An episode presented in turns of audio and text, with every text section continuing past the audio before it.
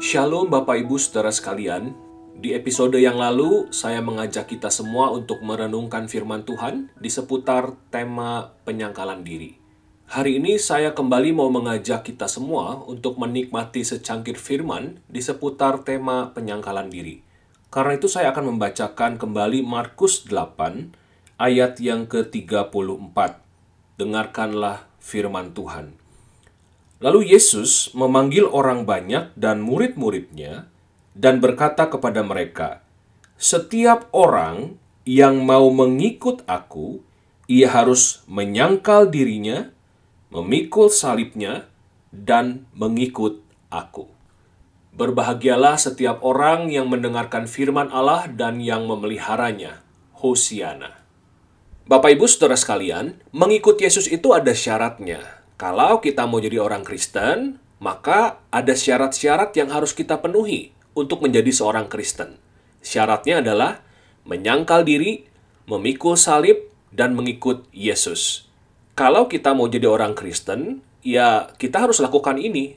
Kita harus menyangkal diri, harus memikul salib. Nggak ada jalan lain. Kalau nggak mau menyangkal diri, kalau nggak mau memikul salib, ya jangan jadi orang Kristen dan jangan berani-beraninya menyebut diri Kristen. Di episode yang lalu saya membahas satu aspek dari penyangkalan diri. Menyangkal diri adalah menolak diri kita sebagai standar kebenaran. Penyangkalan diri dalam makna ini ada di tataran pemikiran, di level kognisi. Ini satu aspek penyangkalan diri yang sangat penting sekali. Namun menyangkal diri jauh lebih dalam daripada hanya sekadar level pemikiran saja. Ini yang mau saya bicarakan hari ini.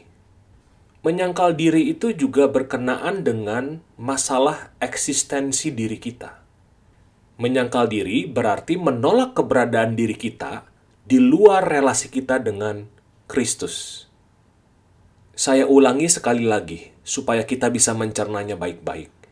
Menyangkal diri adalah menolak keberadaan diri kita di luar relasi kita dengan Kristus.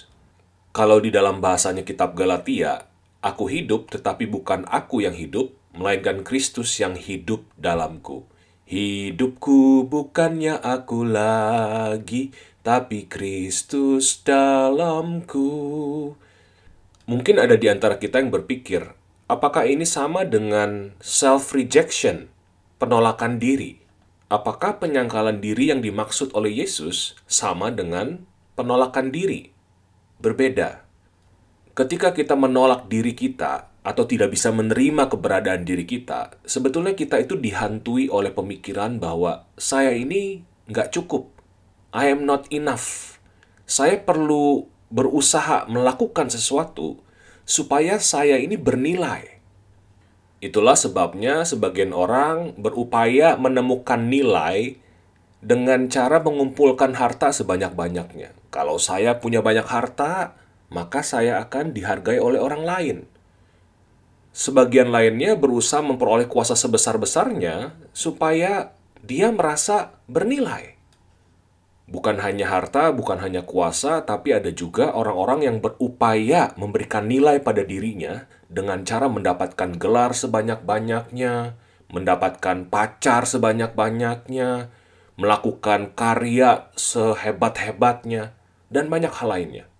Singkatnya, kalau kita tidak bisa menerima diri kita, kita menolak diri kita, ada sebuah self-rejection dalam diri kita, maka kita akan berupaya melakukan sesuatu untuk memberikan nilai pada diri kita sendiri. Kita berusaha mengonfirmasi, mengafirmasi keberadaan kita, eksistensi kita.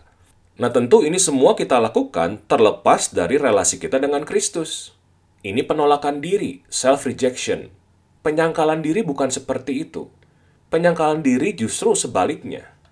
Menyangkal diri itu berarti menerima bahwa identitas saya itu terletak pada relasi saya dengan Kristus. Itu identitas saya, itu jati diri saya, itu nilai saya. Siapa sih saya di hadapan Kristus? Yang paling basic, yang paling hakiki, Saya adalah seorang pendosa yang dicinta oleh Tuhan. Seorang pendosa yang disayang oleh Kristus. Itulah letak nilai seorang diri saya. Kita ini adalah para pendosa yang dicintai oleh Kristus. Menyangkal diri berarti menerima keberadaan kita seperti ini. Sebagai seorang pendosa yang dicintai Tuhan. Penyangkalan diri seperti ini justru akan menghasilkan self-acceptance. Kita jadi bisa menerima diri kita sendiri tanpa kita perlu melakukan ini dan itu. Saya nggak perlu tuh jadi kaya supaya saya itu bernilai. Saya nggak perlu punya kuasa besar supaya saya ini menjadi bernilai. Saya nggak perlu punya gelar sampai S1, S2, S3 supaya seorang saya ini bernilai. Saya nggak perlu punya banyak karya supaya seorang diri saya itu bernilai. Nilai saya itu terutama terletak pada identitas saya sebagai seorang pendosa yang dicinta oleh Tuhan. Saya ini seorang pendosa yang dicinta oleh Tuhan.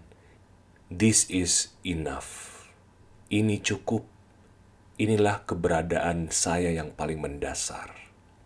We are loved by God just as we are.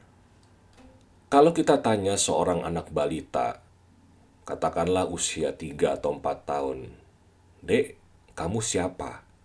Jawaban mereka itu pasti sederhana sekali. Saya, anak mama dan papa saya. As simple as that. Coba tanyakan pertanyaan yang sama kepada orang dewasa.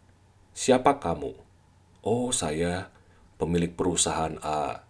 Saya manajer, saya direktur. Oh, saya punya rumah di sini dan di sana. Oh, saya ini S2 di luar negeri, S3 di sana. Saya profesor. Rumit sekali, bukan? Dan semua penjelasan ini sebetulnya berupaya untuk mengafirmasi nilai seorang saya ketika saya ditanya, "Siapa kamu?" Kita perlu belajar dari anak kecil, karena memang kita ini anak-anak, anak-anaknya Allah. Ketika kita ditanya, "Siapa kamu?"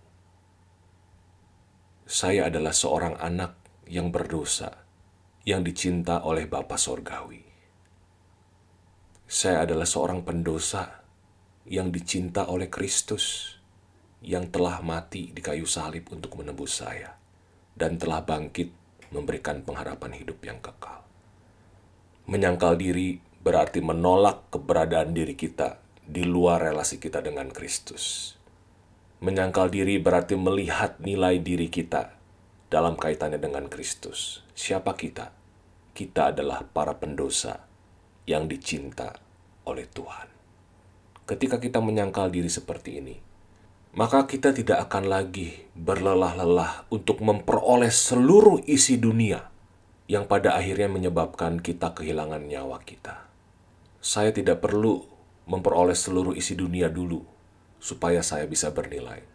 Saya ini sudah bernilai. Saya adalah seorang pendosa yang dicinta oleh Tuhan. Selamat menyangkal diri dan selamat menikmati kehidupan yang penuh dengan damai sejahtera dan kepenuhan hidup di dalam Kristus. Tuhan memberkati kita. Amin.